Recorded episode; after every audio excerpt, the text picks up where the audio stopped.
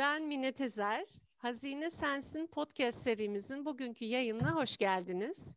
İçimizdeki hazinelere yolculuk yaptığımız program serimizde bugün çok değerli bir konuğumuzu ağırlıyoruz.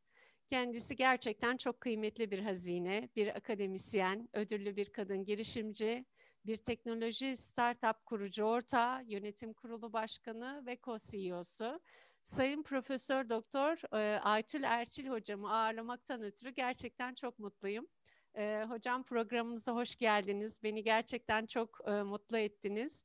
Benim için bu, bugün bu programda sizi ağırlamak büyük bir onur. Çünkü hayatımda gerçekten çok önemli bir yeriniz var. Ee, aslında iş iş hayatına ilk e, sizin asistanınız olarak e, başladım Boğaziçi Üniversitesi'nde 1995 senesinde e, istatistik derslerinizin e, teaching asistanı olmuştum o dönemde ve elim ayağım birbirine dolanıyordu. Çok heyecanlıydım, ne yapacağımı bile bilmiyordum. E, ama siz e, bir profesör olmanıza rağmen, sorumluluğunuz çok yüksek olmasına rağmen her zaman çok e, yakındınız, özveriliydiniz, e, anlayışlıydınız ve e, benim o acemiliğim, o heyecanım e, sizin anlayışınız sayesinde de e, hiç e, kalmamıştı. E, hocam hoş geldiniz. Hoş bulduk Mine. Ne kadar güzel bir karşılama. Ee, yıllar sonra seninle böyle bir söyleşi yapmak benim için de çok büyük bir keyif. Her zaman en e, yakından ilişkimizin devam ettiği öğrencilerinden, asistanlarından biri oldun. O yüzden çok büyük bir keyif benim için bugün burada olmak. Çok sağ olun hocam. Beni kırmadığınız için tekrar teşekkür ediyorum. Ee, bunca yıl sonra bir tek aramıza pandemi girdi. Ee, evet, evet. Pandemi haricinde de ne mutlu ki e, yıllarca e, devam ediyor. Bu son olsun. İnşallah, inşallah. son olsun. E, hocam müsaade ederseniz ben e, dinleyicilerimize biraz e, kısaca sizden bahsetmek istiyorum. Aslında kıs, nasıl kısa olacak bilmiyorum. E, çünkü siz çok dolu dolu bir insansınız. Birçok koltuğunuzda birçok şapka var, birçok sorumluluk var. Müsaade ederseniz dinleyicilerimize kısaca biraz sizden bahsetmek istiyorum. Ee, siz akademisyenlikte en üst seviyeye başarılı bir şekilde ulaştınız ama ezberleri bozdunuz. Ee, aynı zamanda e, ticaret dünyasında, iş dünyasında da kadın bir girişimci olarak gerçekten çok büyük başarılara imza attınız. Bugün uluslararası bir teknoloji startup firmasının hem kurucu ortağısınız, yönetim kurulu başkanısınız ve co-CEO'sunuz. Ama bu noktaya gelince kadar da birçok ödüller aldınız, çok kıymetli işler yaptınız, yapmaya da devam ediyorsunuz. mesela notlarıma baktığım zaman 2000, 2013 yılında Türkiye'nin kadın girişimcisi ödülünüzü görüyorum. keza yine arkasından 2014 yılında Ansiyad'ın yılın kadın girişimcisi, 2015 yılında Microsoft'un bilişimde fark yaratan kadın lideri ödülü, Sonra 2019 yılında Selçuk Yaşar e, girişimcilik ve e, inovasyon ödülü. E, yine 2019 e, yılında e, Ernst Young tarafından Vispera'ya verilen yılın e, startup ödülü. Ve e, yine 2020 yılında da International Women e, Entrepreneurial Challenge Foundation tarafından aldığınız bir ödül var. E, Birçok ödül var. E, bunlar da yetmiyor. Bir taraftan Allianz'ın Uluslararası Danışım Kurulu, Danışma Kurulu üyesiniz. Nobel'in Yönetim Kurulu üyesiniz. Swiss Innovation Valley Danışma Kurulu üyesiniz. European Mission Vision Association'da bilimsel ve endüstriyel danışma kurulu üyeliği, seri girişimcilik ve sertifikalı melek yatırımcısı. Ancak bu kadar kısaltabildim. Ee, hocam yorulmuyor musunuz? Bu kadar şapkanız var, bu kadar sorumluluğu nasıl taşıyorsunuz? Aynı zamanda bir eşsiniz, bir annesiniz. Ee, sağ ol Mineciğim, beni e, mahcup ettin bunları okuyaraktan. Ee, yani tabii keyifle yapınca aslında yorulmuyorsunuz çok açıkça. Ee, gerçekten her şapkanın farklı sorumlulukları var. Mesela akademisyen olarak e, işte ders vermek, araştırma yapmak, öğrenci yetiştirmek. E, şimdi bunların her biri içinde ayrı şeyleri var. Mesela ders vermek için e, ben her sene yeni gelişmelere göre ders notlarımı güncellerdim. E, tabii her hafta derse hazırlanmanız lazım. Öğrencilerin bir adım önünde olmanız lazım işte ödevler, sınavlar hazırlamak, bunları okumak. E, işte bir yandan tabii üniversitenin komisyonlarında yer almak, üniversitenin politikalarına destek vermek, işbirlikleri oluşturmak, üniversite sanayi işbirliği, işte farklı üniversitelerdeki akademisyenlerle işbirliği, uluslararası projelere katılmak. Yani akademik hayat zaten e, dolu dolu e, birçok işi yaptığımız bir ortam. E, tabii araştırmanın önemli bir kısmı, e, üniversitenin önemli bir kısmı araştırma yapmak. Yani bunun için tabii konferanslara gitmek, yeni çıkan makaleleri okumak, makale yazmak, e, yayın yapmak çok önemli. Öğrenci yetiştirmek tabii asli görevlerimizden biriydi. Lisans düzeyinde e, projeler oluşturmak, akademik danışmanlıkları yapmak, işte lisansüstü düzeyinde master doktora projeleri yürütmek ve her türlü öğrencilere daha sonra iş bulma konusunda işte her türlü sorunlarında destek olmak. E, bu tabii akademisyen şapka. Şimdi girişimci şapkasına baktığınızda bambaşka e, yetiler gerekiyor. Orada e, ki aslında benim için en zor yani akademisyenlikten daha zordu girişimcilik. Çünkü ben mühendislik okudum ve hep akademik ortamda bulundum. Ee, yani Amerika'da GM'de çalıştım. Ee, GM General Motors Araştırma Laboratuvarı'nda ama orada da ARGE'deydim yani. O da yine üniversite gibi bir ortamdı. Ee, bu yüzden hani işte şirket ortamında bütçe hazırlamak, nakit akışı, işte satış, pazarlama bu konularda hiçbir birikimim yoktu. Bu tür hizmetleri hani e, profesyonel olarak alabilecek mali gücümüz de yoktu. E, çünkü ben ilk şirketi kurduğumda o zaman Türkiye'de girişimcilik ekosistemi diye bir şey yoktu. Yani ne melek yatırım vardı ne risk sermayesi fonları vardı. Benim de mali gücüm yoktu. O yüzden bütün bu işleri benim tek başıma yapmam gerekiyordu. Bunlar tabii çok hani gerçekten zor dönemlerdi. O yüzden de ben şimdi elimden geldiğince kadın girişimcilere destek olmaya çalışıyorum. Kagider'in yönetim kurulundayım. yani benim çektiğim sıkıntıları başkaları çekmesin diye uğraşıyorum. Şimdi melek yatırımcı şapkasına baktığında orada da bambaşka şeyler var. Orada ben bugüne kadar 10 civarı firmaya yatırım yaptım. İki tanesi battı.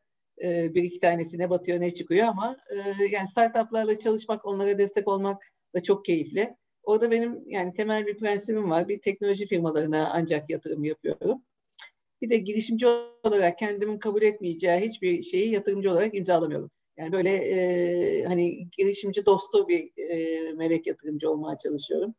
Onun dışında aslında bir şapkam daha var. Mentörlük e, elimden geldiğince onu yapmaya çalışıyorum. Hem işte TÜBİTAK hem e, çeşitli KAGİDER kadın organizasyonlarında özellikle genç kızlara ama e, erkeklere de e, tabii ki mentörlük yapmaya çalışıyorum.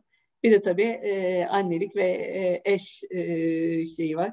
E, yani her ne kadar iş hayatını harcadığım zaman hani çok önemli bir e, yüzdesini alıyorsa zamanımın e, annelik her zaman ön planda e, oldu benim için. Yani çocuklar küçükken onlar uyuyana kadar çalışmazdım. Onlar uyuduktan sonra ben çalışmaya başlardım.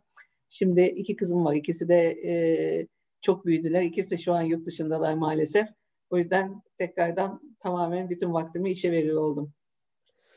Peki hocam e, yorulmuyor musunuz? Motivasyonunuzu nereden alıyorsunuz? Yani e, tabii ki yoruluyorsunuz ama e, yani bir kere e, multitasking konusunda e, bence kadınlar erkeklerden daha yatkın diye düşünüyorum. Çünkü küçük yaştan beri biz hep multitasking yaparak büyüyoruz.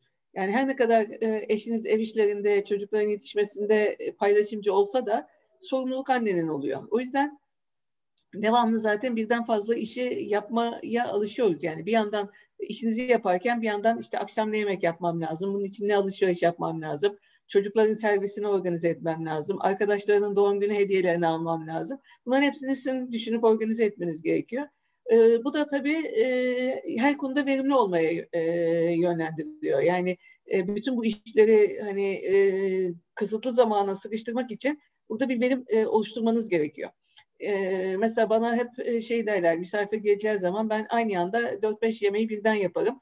Çünkü kafamda bütün genel şeyi planlayıp hani birinin bir parçasını ondan sonra öbürünün öbür parçasını hani en e, etkili bir şekilde toplam zamanını minimize edecek şekilde onun organizasyonunu yaparım. Bu diğer bütün işlerde de böyle.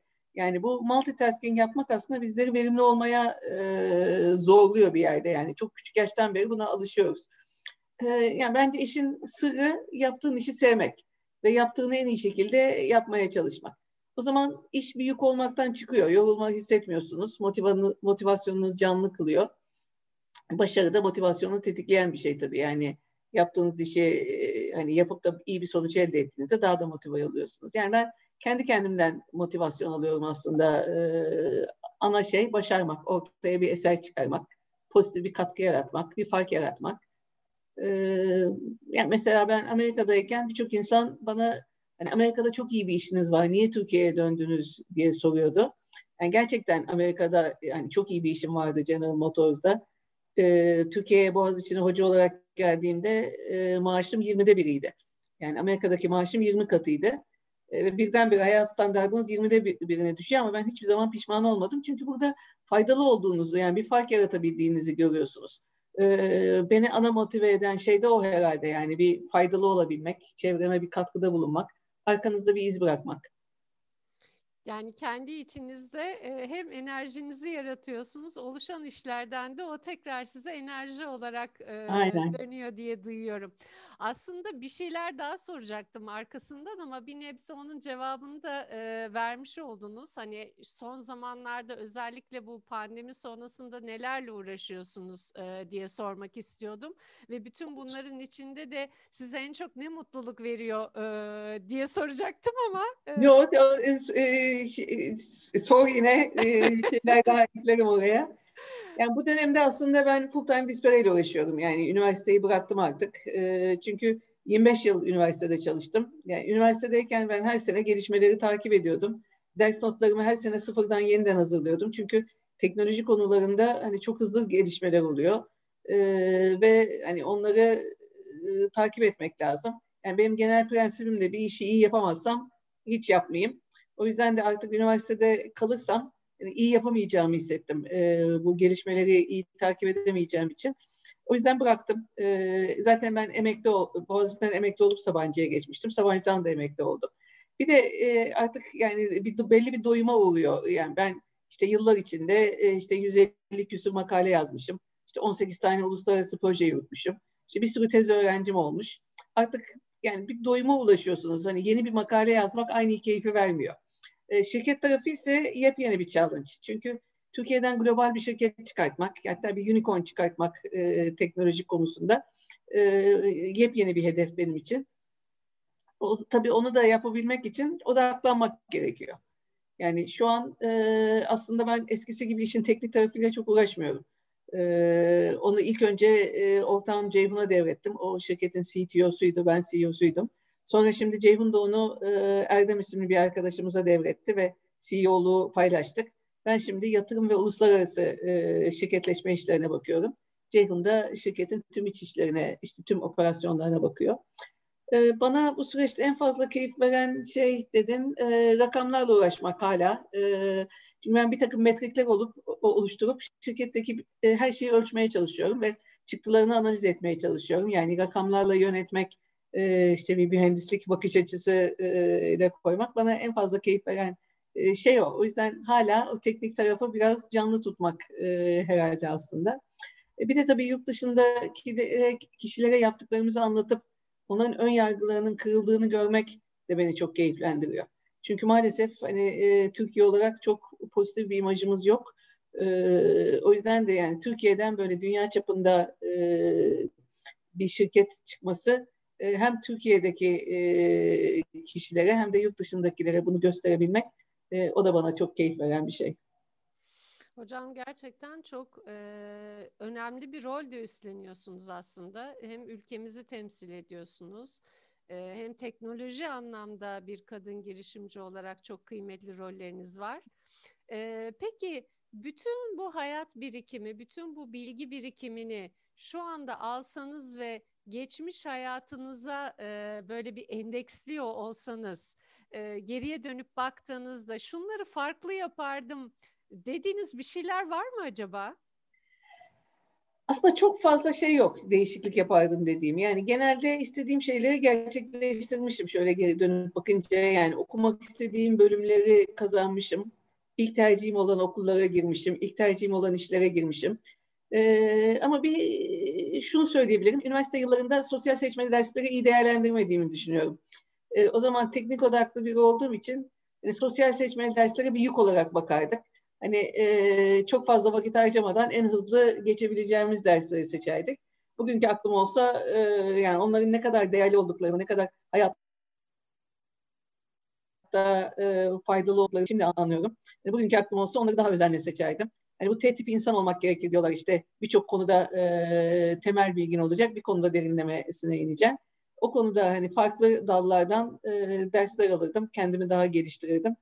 Herhalde şu an aslında farklı yapardım dediğim bir o var şu an aklıma gelen. Peki. Ee, yani ben her zaman size e, öğrenciyken o zamanki aklımla da bu geçen zaman içerisinde de e, sizi bana sorduklarında herhalde ilk söyleyeceğim şey hani başarılı, kararlı, asla e, vazgeçmeyen bir insan e, olduğunuz. Bendeki imajınız bu yönde. Peki hocam hep böyle miydiniz? Yani 9 yaşındaki ya da ne bileyim atıyorum 15 yaşındaki kendinizi düşündüğünüz zaman bundan işte 10 yıl 20 yıl sonra ben şunları şunları hayal ediyorum böyle yapacağım bu yerlere geleceğim gibi hayaller kurar mıydınız? Ee, eğer bu tarz hayaller kuruyorduysanız bir akademisyen bir girişimci olarak bugün başardıklarınızla o hayallere ulaştınız mı yoksa onları geçtiniz mi? Aslında yani her zaman kararlı olduğumu söyleyemem e, gerçekten. Çünkü e, şimdi ben e, liseyi Robert Kolej'de okudum ve okulda son senede okula bir bilgisayar geldi. Benim de çok ilgimi çekti böyle bir alete e, kom kumanda etmek. Ve müdüre gittim ben bilgisayar kulübü kurup öğrenip öğretmek istiyorum dedim. Ve o benim aslında hayatımda bir dönüm noktası oldu. O kadar keyif aldım ki ben bilgisayar mühendisliği okuyacağım dedim. Ama o dönem bilgisayar mühendisliği yoktu. Boğaziçi istiyordum bir de. Boğaziçi'nde bilgisayar mühendisliği yoktu. İşte ona en yakın olan elektronik mühendisliği ve matematik okudum. O beni tamamen kararsız kıldı. Yani doktoraya e, yurt dışına gideceğim diyordum ama bilgisayar mı okuyacağım, elektronik mi okuyacağım, matematik mi okuyacağım? E, o zaman tabii internet de yoktu bugünkü gibi. E, yani çok kararsız dönemlerden e, geçtim. E, ama tabii o zaman şimdiki kadar çok seçenek yoktu. O yüzden de biraz daha kolaydı aslında bizim hayatımız. E, hani az seçenek arasında seçmek durumunda kalıyorduk. Yani bugün olsa herhalde çok daha kararsız olurdum. Ee, ama bazı konularda yani benim kararlılığım e, veya inadım diyeyim aslında yani bazı konularda inatçıyım. O da genelde haksızlık olduğunu düşündüğüm zaman e, yani o konuda böyle kararlı bir şekilde üzerine giderim. E, aslında bir e, hikaye başından geçeni e, anlatayım. Yani çok küçük yaşta hani bu inadın kararlılığın e, öyküsü. Bunu da pek bir yerde de hiç anlatmadım aslında bugüne kadar. E, ben ilkokula küçük gitmişim. Dört buçuk yaşında gitmişim. İşte kendi kendime okuma yazma sökmüşüm. Onun üzerine hani misafir olarak e, konuşmuşlar e, okula. Fakat öğretmenin misafir olduğunu bilmiyor. E, sene sonunda yani dönem sonunda işte müdüre demiş ne zaman evrakları gelecek. Beni başka okuldan transfer zannetmiş. E, müdür de demiş yok o öğrenci değil o misafir. Yok demiş o benim en iyi öğrencim. Bunun üzerine beni kaydetmeye karar vermişler. Ve öğretmen annemlere demiş ki işte hem herkesten iki yaş küçük hem okula geç geldi. Bir dersine dört vereyim hangisine vereyim? Annem de siz karar verin demiş ve benim matematiğime dört vermiş. Yani benim için bu büyük haksızlıktı. Kabul edilebilecek bir şey değildi. Yani hayat bilgisine sıfır versin, resme sıfır versin hiç umurumda değil ama matematiğime dört veremez. Ve hala bugün gibi hatırlıyorum. Gittim öğretmene. Öğretmenim dedim bir hata yaptığınızı düşünüyorum. Düzeltmenizi istiyorum. Benim matematikten sınav yapar mısınız? Oo. Çok şaşırdı ve e, yani şeyi hatırlamıyorum. Notumu değiştirip değiştirmediğini hatırlamıyorum ama yani benim gidip o haksızlığa karşı hani dik durmam e, yani bugün de hala ne zaman bir yerde bir haksızlık olsa aynı şeyi yaparım. E, yani kararlı olduğum konu o, o aslında e, ama kendi hayatım konusunda öyle çok e, hayallerim yoktu aslında. E, es, çünkü o zaman dediğim gibi internet yoktu. Televizyon belli saatlerde ve tek kanalda. O yüzden dünyayla bütünleşik değildik. O, çev- kendi sınırlı çevremiz dışında olan biten hakkında çok da bir bilgimiz yoktu. O yüzden o da hayalleri sınırlıyor doğal olarak. E, ancak hani kitaplarda okuduğunuz bir takım şeylerle hayal kurabiliyorsunuz. Yani benim de e, hani hayal demeyeyim ama hedeflerim e, oldu. E, ve hedeflerimin çoğuna da ulaştım aslında. Yani şu anki hedefimde e, işte Türkiye'den yüksek teknoloji bir unicorn şirket çıkarmak. Bilmiyorum görebilir miyim onu artık yaşında ilerliyor ama inşallah. Aa, hocam inşallah. İnşallah olsun. ölmeden onu da görürüm diyorum. İnşallah, inşallah. Peki akademisyen olmaya ne zaman karar verdiniz? Ya aslında e, yani o dönemde hani iyi öğrenciler işte master yapar, doktora yapar. Yani çok böyle bir bilinçli değildik. Benim çevremde de aslında çok üniversite okuyan kimse de yoktu. Yani beni yönlendiren kimse de yoktu. Ama genelde böyle bir trend vardı. Yani iyi öğrenciler işte yurt dışında iyi bir üniversiteye gider, master yapar, doktora yapar. Şimdi doktora yapınca da zaten o e, o bir yerde sizi akademisyenliğe doğru itiyor. Yani biraz böyle doğal bir gelişme oldu aslında. Benim eskiden beri planladığım bir şey değildi akademisyen olmak. Ama her zaman elinize aldığınız işi en iyi şekilde yapma arzunuz da sizi bulunduğunuz Doğru. her konumda en üst noktaya, en iyi noktaya getirdi. Peki o girişimci olma, o kırılma noktası o da mı kendiliğinden geçti? Çünkü sizin ee, o aslında öyle. Laboratuvar vardı hocam okulda. Laboratuvarınız ee, vardı yani.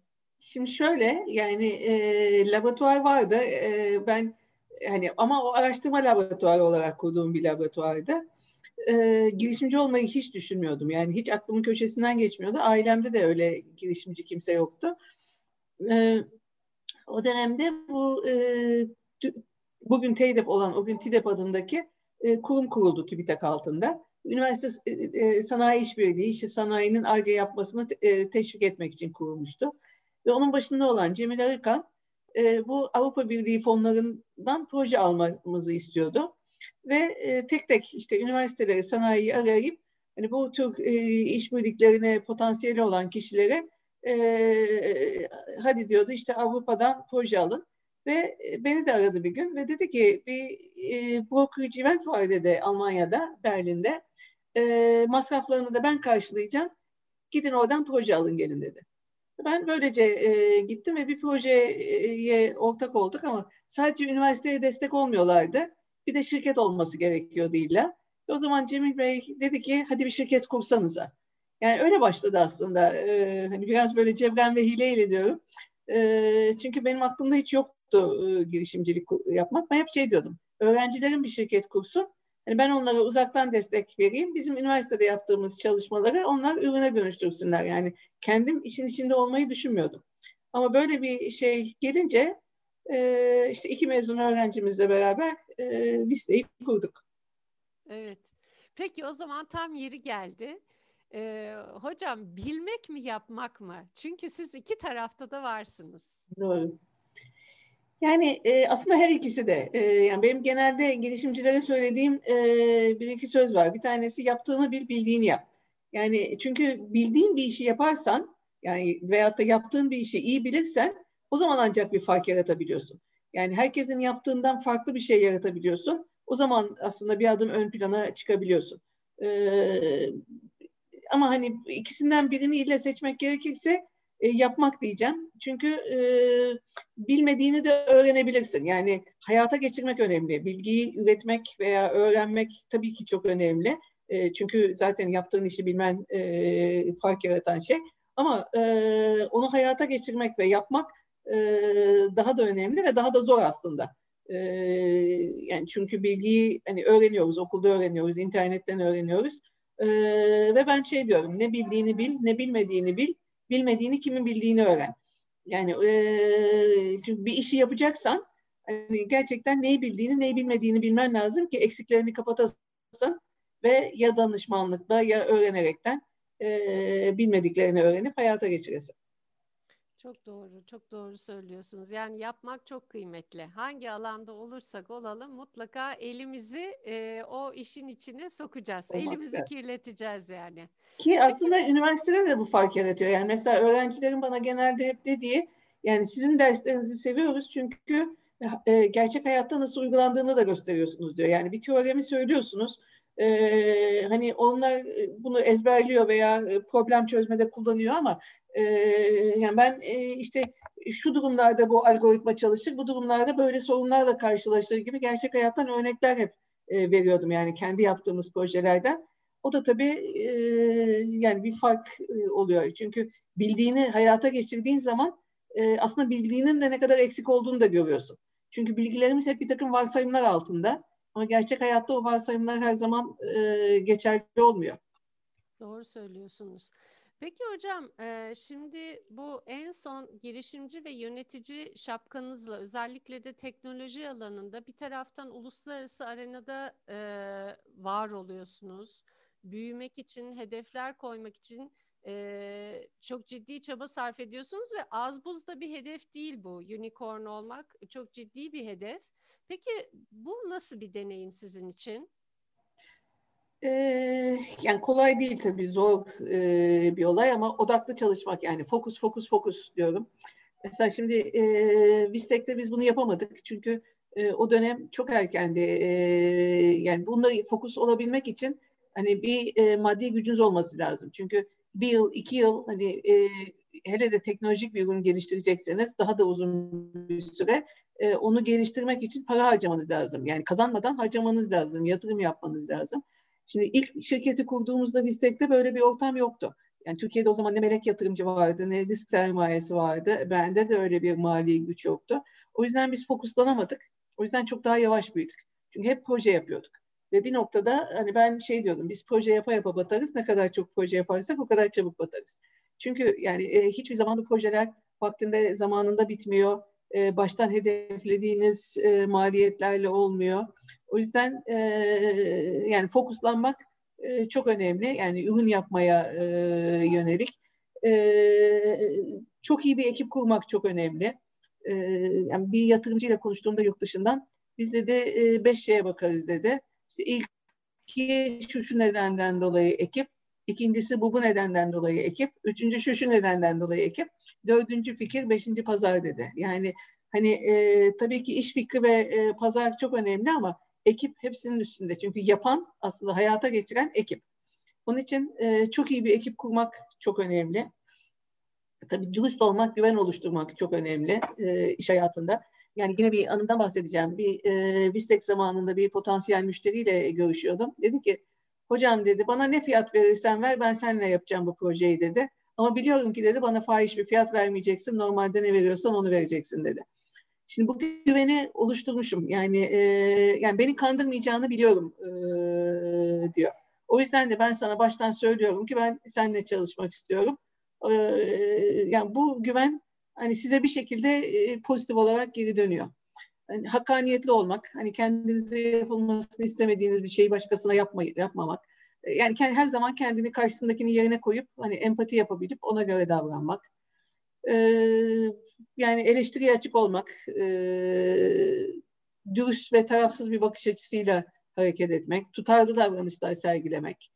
Ee, başka ne diyebilirim? Ulaşılır olmak. Yani her zaman hani kapalı kapılar ardında değil, e, herkes de hem e, çalışanlarla hem müşterilerle yani herkes de ulaşılabilir olmak. Onlarla aslında sosyal olarak da ilgilenmek. Yani arkadaşları olmak. Hani patronları olmak değil, arkadaşları olmak. Gücünü kötüye kullanmamak.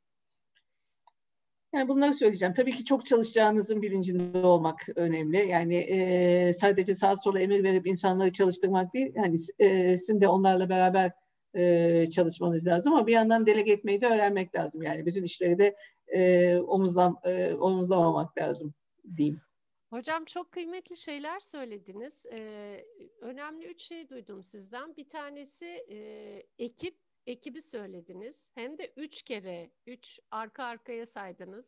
Çalışmak, çalışmak, çalışmak dediniz ve e, ahlaki değerlerden bahsettiniz. Yani ben erdemli olmayı duyuyorum sizden. Doğru. O zaman yeni jenerasyona e, bakarsak eğer özellikle de girişimcilik ekosisteminde bu çok yaygın. Yani okuyan gençler, mezun olan gençler girişimci olmayı çok arzu ediyorlar ve kendilerine de çok yüksek hedefler koyuyorlar. Ama bu kolay bir şey değil. Bedelleri çok ağır olan bir şey.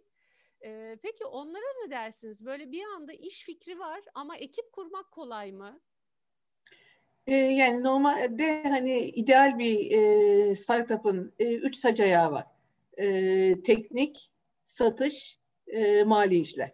Yani idealde aslında üç ortak veyahut da hani üç tarafı dolduracak hani e, şey lazım. Yani ya bir kişi hani bunların hepsini yapacak. Yani ilk şirkette ben onu yapmaya çalıştım. O çok zor bir iş. E, yani diğer taraflarını zaten ne mali tarafı ne satış tarafı bilmiyordum işte e, biraz deneyimle, biraz araştıraraktan öğrenmeye çalıştım ama idealde e, üç tarafta da e, hani birinin olması e, ideal ama tabii ortaklıklarla çalışmak da hiç kolay değil. Yani e, aslında bütün olayda e, en zoru insan yönetmek. Çünkü herkesin farklı e, hedefleri var, farklı e, ambitionları var. Yani orada hani aynı hedefe doğru farklı insanların gitmesi her zaman kolay değil. E, Birçok şirket ortaklıkla bozulduğu için batıyor aslında. Bir de geçen gün bir yerde okumuştum. Galiba Clifton Bradley diye bir adamın şeyi. Diyor ki üç tane zehir var diyor. Greed, anger, ignorance. Yani açgözlülük, öfke ve cehalet. Yani e, bunların e, varlığını inkar etmeyip hani bunları tersine çevirmek lazım ki hani cömertlik, merhamet, hikmet sahibi olasın. Yani e, bu hani benim etkileyen bir şeydi. E, hani bunların yapılmaması gereken şeyler. Çünkü ortaklıklar arasında da genelde hani bir açgözlülük olabiliyor. İşte senin hissen benim hissem e, ben daha çok çalıştım, ben bunu hak ettim, sen bunu e, hak ettin. E, öfke e, ve cehalet e, demiş. E, ne diyorduk unuttum.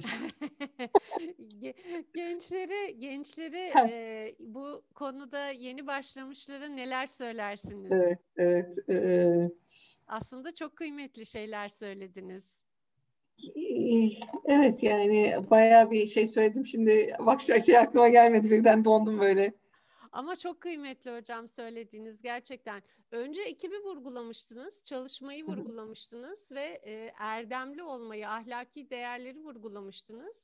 Bu evet. en son vermiş olduğunuz e, örnek de üstüne yani harika bir kapak oldu diyebilirim.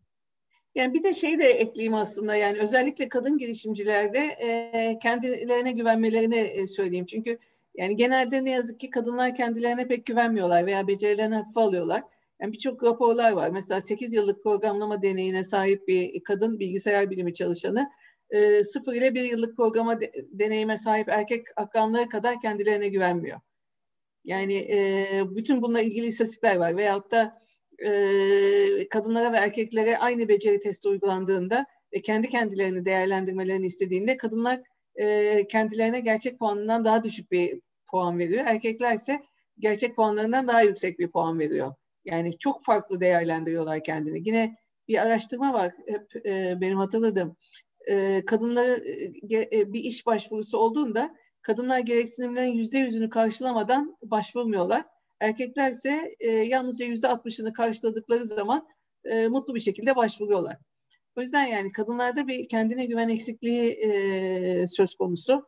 Hani e, bunun olmaması lazım yani çünkü e, gerçekten e, beyin fonksiyonları arasında bir e, fark yok. Hatta kadınlar bu multitasking yeteneğinden dolayı ve bir de e, duygusal zekalarının daha yüksek olmasından dolayı birçok konuda daha da başarılı olabiliyor aslında. Hocam o zaman kadınlar daha mı mükemmelliyetçi erkeklerden? Kesinlikle. Şey söylenebilir Kesinlikle. mi? Yani şöyle de bir e, beni etkileyen bir çalışma vardı. Norveç'te galiba bu yönetim kurullarına kota koymuşlar. İşte yüzde 40 kadın e, olacak diye. Önce kıyamet kopmuş. İşte e, sadece kadın olduğundan dolayı birilerini mi alacaksınız buraya vesaire diye. Ve daha sonra ölçümlemişler. Kalite çok artmış. Çünkü nedeni de e, kadınlar çok daha titiz ve detaycı oldukları için bütün dokümanları inceliyorlarmış. Bütün evvelden hazırlanıp geliyorlarmış. E, bunları böyle görünce tabii bir noktadan sonra erkekler de hazırlanmaya başlamışlar. Ve e, yönetim kurulu e, kalitesi çok artmış. Yani kesinlikle kadınlar daha detaycı. Evet.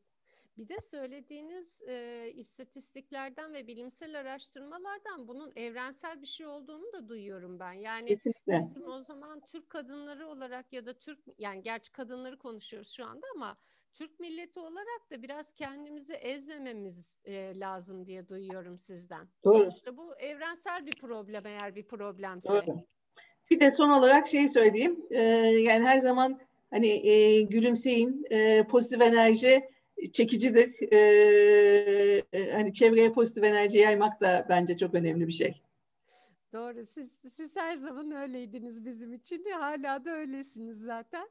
Peki hocam bir şey sormak istiyorum. Şimdi e, geçmişten itibaren peki baktığınız zaman evet siz bir noktadan sonra akademisyen olduktan sonra girişimciliğe geçtiniz ama yine de araştırmacı kimliğinizle ve özellikle de istatistik alanındaki uzmanlığınızla o müteşebbis ruha ve girişimciliğe baktığınızda geçmiş ve bugün nasıl bir farklılaşma var? Şimdi Türkiye'de aslında insanlarımızda müteşebbis ruh her zaman vardı. Çünkü biz e, her gün gündemin değiştiği, devamlı sorun çözdüğümüz bir ortamda yaşıyoruz. E, yani hiç e, yurt dışındaki işte Amerika veya Avrupa ülkelerine baktığında hani onların hani gazetelerine bakın işte e, hayvan hakları, e, işte e, çevre e, şeyleri konuşuyor. bizde her gün e, yepyeni bambaşka problemler oluyor. O yüzden biz problem çözmeye çok alışmış bir e, milletiz. E, ancak daha evvelden girişimcilik ekosisteminin gelişmesi için altyapı, gerekli altyapılar yoktu. E, yani demin de dedim işte ben Vista'yı kurduğumda melek yatırım, VC vesaire yoktu. Finans olmadan da girişimcilik ekosisteminin gelişmesi mümkün değil. Bugün değişen aslında e, biraz o. Yani bu e, bir de e, girişimcilik eskiden e, çok makbul bir e, meslek de değildi. İşte başıma icat çıkarma e, filan gibi. Yani bir sürü atasözlerimize baktığımızda da hani girişimciliği e, teşvik eden bir ortam yoktu. Genelde işte e, hani maaşlı bir işe gir, e, e, hayatın garanti altında olsun. E, annelerimiz, babalarımız da böyle telkin ederdi. E, şimdi ise e, hem dünyada işte bu yani en büyük şirketlerin işte Apple, Facebook, Google vesaire böyle bir hani girişimcilikle başlayan şirketler olması, e, işte büyük birçok şirketin e, eskisi gibi değerli olmaması, e, batması e, ve yani Türkiye'de de başarılı girişimlerin ortaya çıkması biraz bu görüşü değiştirmeye başladı. Hani Türkiye'de ilk aslında büyük e, şey yemek sepetiydi. Boğaz içinden bizim öğrencimiz Nevzat'ın Nevzat'la Melih'in kurduğu. Ondan sonra şu, bu son 10 yılda gerçekten çok büyük gelişmeler oldu girişimcilik ekosisteminde. Hatta işte unicornlar çıkmaya başladı. İşte Peak Games, Getir vesaire. Hatta Trendyol Dekakorn olmuş. Dekakorn'u da yeni öğrendim. 10 milyar dolar üzeri demekmiş. Yani Dekakornlar bile çıkarmaya başladık. O yüzden bu tabii bu tür başarı örneklerinin olması da insanları daha umutlandırmaya başladı ve yani girişimcilik gerçekten hatta eskiden mesela üniversitede öğretim üyelerinin şirket kurması hiç sıcak bakılmazdı. Yani ben Boğaziçi'ndeyken en yakınlarıma bile şirketim var demezdim. Kendim de çok vakit harcamazdım. Şimdi ise neredeyse şirket kurmazsan dövecekler yani öyle bir noktaya geldik. Ee, çok teşvik ediliyor. Ee, o yüzden yani çok değişti ortam. Peki hocam, şimdi ben biraz kendi merakım olan pazarlama ve marka konusuna biraz değinelim istiyorum.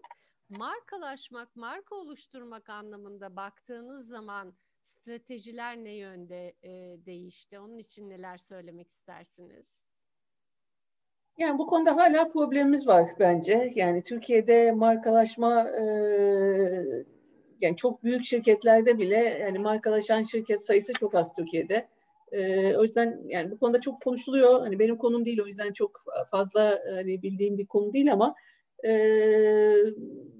yani orada gerçekten çok başarılı markalar üretmiş bir ülke değiliz. E, hani bir avucu e, geçmez herhalde e, dünya çapında markalar. E, yani o yüzden orada kesinlikle gelişmesi, gelişmeye açık bir konu markalaşma konusu.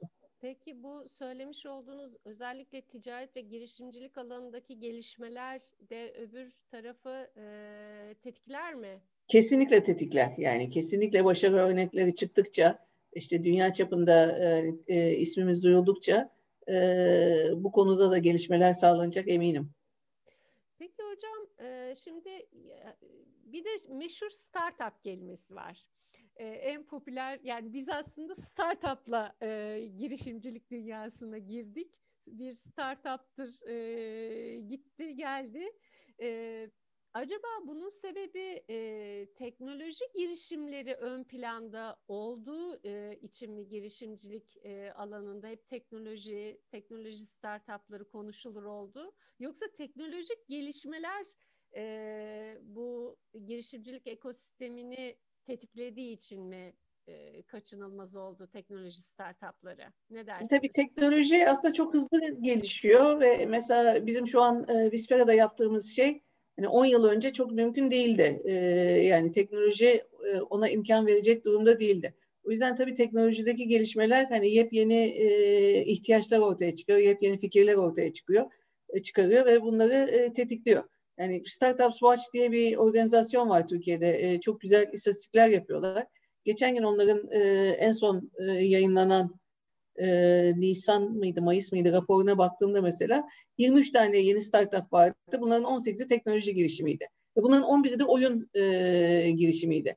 Çünkü bu son zamanlarda işte e, Peak Games ve e, bir başka oyun firması daha e, yüksek e, fiyatlarla satıldı. Ve birden şimdi oyun sektörü hani e, çok popüler olmaya başladı.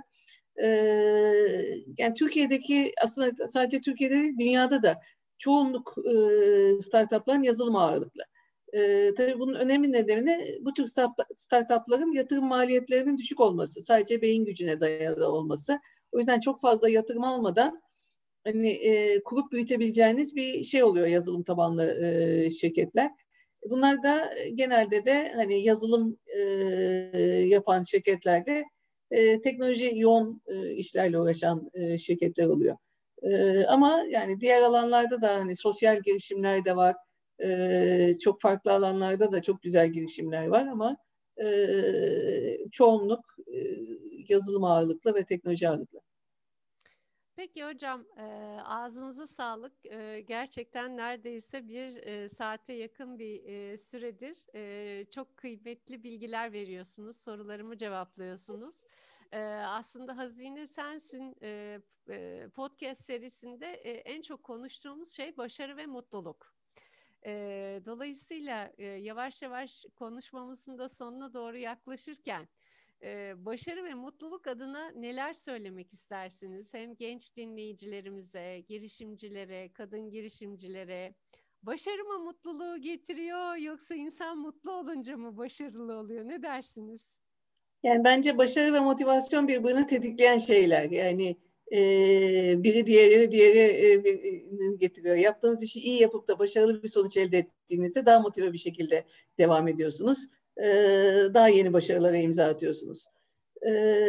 şimdi tabii yani bir takım temel kavramlar var başarıyı getiren işte çok çalışmak, yılmamak. ama hayatın farklı evrelerinde de hani başarı için gereken yetiler bence değişiyor. yani bence hani bu başarı kriteri de aslında kişiye göre farklı değişiyor. Yani birine göre başarılı olan başkasına göre başarılı olmayabiliyor. Mesela ben okul hayatım boyunca işte birçok arkadaşım 70 aldığında ailesi bayram yapar, hediyeler alırdı. Ben 97 aldığımda 3 puanı nereden kaybettin diye sorarlardı.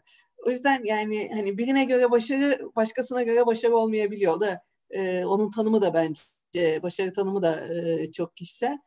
E, ama hani bana göre e, başarı e, koyduğun hedeflere erişmek diyeyim. Yani bu çünkü herkesin hedefi de farklı. O yüzden de herkesin zaten başarı ta- tanımı e, farklı olabiliyor. Ama tabii bu hedefler de e, yani mesela bu hedeflerden e, bir tanesi şey de olabilir. Atıyorum 10 kilo vermek istiyorum. Ve bu hedefe e, ulaşırsanız o da bir başarıdır. Yani başarı illa akademik başarı veya ticari başarı değil tabii ki. Hani bana göre başarıyı etkileyen faktörler olumlu düşünmek ve olumlu davranmak, işte özgüven, yeniliklere açık olmak, çözüm odaklı olmak, her işten bir anlam e, ve amaç bulmak ve bir tutkuyla yapmak yani yaptığın işi tutkuyla yapmak ve iç motivasyonla e, yapmak. E, işte öğrenme merakı, çalışma e, öz disiplini. Yani bunlar hani e, bana göre başarıyı getiren bir de tabii sosyal yetiler de var. İşte iletişim becerileri. E, çünkü ya mesela benim e, akademik hayatımda çok e, yetenekli öğrenciler e, gördüm. İş hayatında hiç başarılı olamadılar. Çünkü çok içine kapanık, sessiz ve kendi e, kabiliyetini gösteremeyen e, kişilerde. O yüzden iletişim becerileri de tabii çok önemli başarıda. E, ikna kabiliyeti, işte ilişki ağı yani bu network, yardım istemek ve yardım etmek yani bunlar da şey yani ben mesela e, hep e, hocalık hayatımda bütün öğrencilerime elimden gelen desteği verdim ve yani bunu hiçbir karşılık beklemeden yaptım. Ama yıllar sonra farklı şekilde bu bana geri döndü. E, yani o yüzden de hani derler ya iyilik at, e, denize at, e, balık bulmazsa malik bulur mu öyle bir laf vardı. Ee, o da yani yardım etmek de aslında bir noktada e, sizin başarınızı tetikleyen bir şey olarak geri dönebiliyor. Evet hocam bir de şimdi siz anlatırken bir, bir şey daha geldi aklıma bu paylaştığınız bir şeydi. Ee, başarısızlıklardan da çekinmemeyi söylerdiniz siz hep. E, Doğru. Ee, yani, yani çok doğru söylüyorsun. Stanford'da bir eğitime gitmiştim yıllar önce ve orada bir yatırımcı konuşuyordu. Dedi ki bana dedi bir çocuk geldi dedi. Çok iyi bir iş fikri vardı dedi. Çok başarılı biriydi dedi. Ben yatırım yapmadım dedi. Neden diye sorduğumuzda ben dedi hayatta başarısızlığı tatmamış bir insana yatırım yapmam dedi. Çok şaşırmıştık. Yani hani başarılı olmak da mı suç diye. Çünkü adamın düşündüğü şu ki hani düşününce de mantıklı geliyor.